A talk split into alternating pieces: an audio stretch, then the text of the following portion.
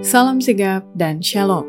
Renungan kita pada hari ini, Senin 25 Juli 2022, berjudul Teladan Rasul Paulus. Ayat intinya terdapat di dalam Kolose 1 ayat 9. Sebab itu, sejak waktu kami mendengarnya, kami tiada berhenti-henti berdoa untuk kamu. Kami meminta supaya kamu menerima segala hikmat dan pengertian yang benar untuk mengetahui kehendak Tuhan dengan sempurna. Pena Inspirasi menuliskan yang dimaksud dengan judul renungan kita pagi ini, Teladan Rasul Paulus, dikarenakan dia akan memanggil, aku akan menjawab, supaya kita mengalami kasih Allah yang tiada bandingnya itu, dan kemudian dengan penuh keberanian datang menghampiri tahta kasih karunia Allah adalah sebagai berikut. Pertama, contoh teladan Rasul Paulus adalah bersaksi bagi Kristus dari rumah ke rumah, serta membujuk setiap orang dengan air mata dan pengajarannya untuk orang mau bertobat datang kepada Yesus. Janganlah melalaikan percakapan dengan para tetanggamu dan melakukan segala kebaikan dalam batas kuasamu, agar bagaimanapun engkau dapat menyelamatkan jiwa-jiwa kita ingin mencari semangat Rasul Paulus di mana dia pergi dari rumah ke rumah, membujuk mereka dengan air mata dan pengajaran, pertobatan kepada Allah, dan iman kepada Tuhan Yesus Kristus.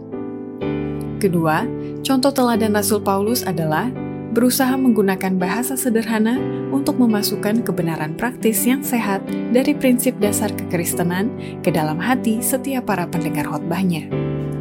Paulus, seorang pembicara yang fasih lidah, Sebelum pertobatannya, dia sering berusaha meyakinkan para pendengarnya dengan pidato, tetapi sekarang dia telah menyingkirkan semuanya ini. Gantinya menuturkannya dalam keterangan yang puitis dan penampilan yang indah, yang mungkin memuaskan perasaan dan mengisi imajinasi, tetapi yang tidak akan menyentuh pengalaman setiap hari.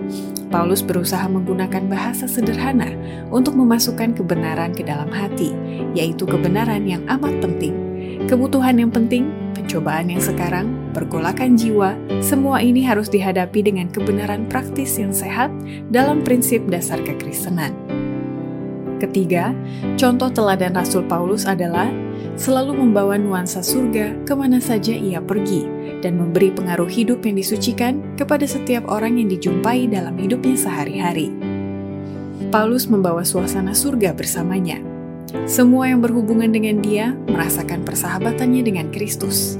Fakta ini meyakinkan kuasa khotbahnya, karena kebenaran yang dinyatakannya ternyata terlihat dalam hidupnya sendiri.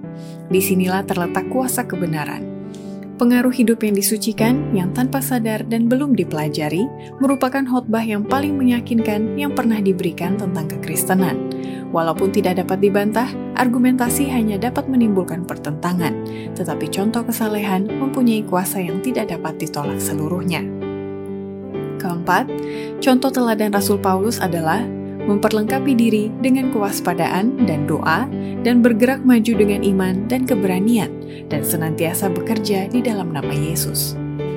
Orang-orang yang sekarang ini mengajarkan kebenaran yang tidak populer tidak perlu patah semangat jika mereka satu saat menghadapi penerimaan yang tidak menyenangkan, bahkan dari mereka yang mengaku Kristen, dibanding dengan Paulus bersama rekan sekerjanya dari antara orang yang mereka layani.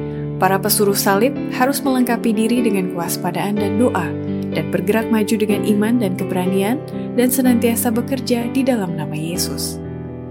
Demikianlah renungan kita hari ini, kiranya Tuhan memberkati kita semua.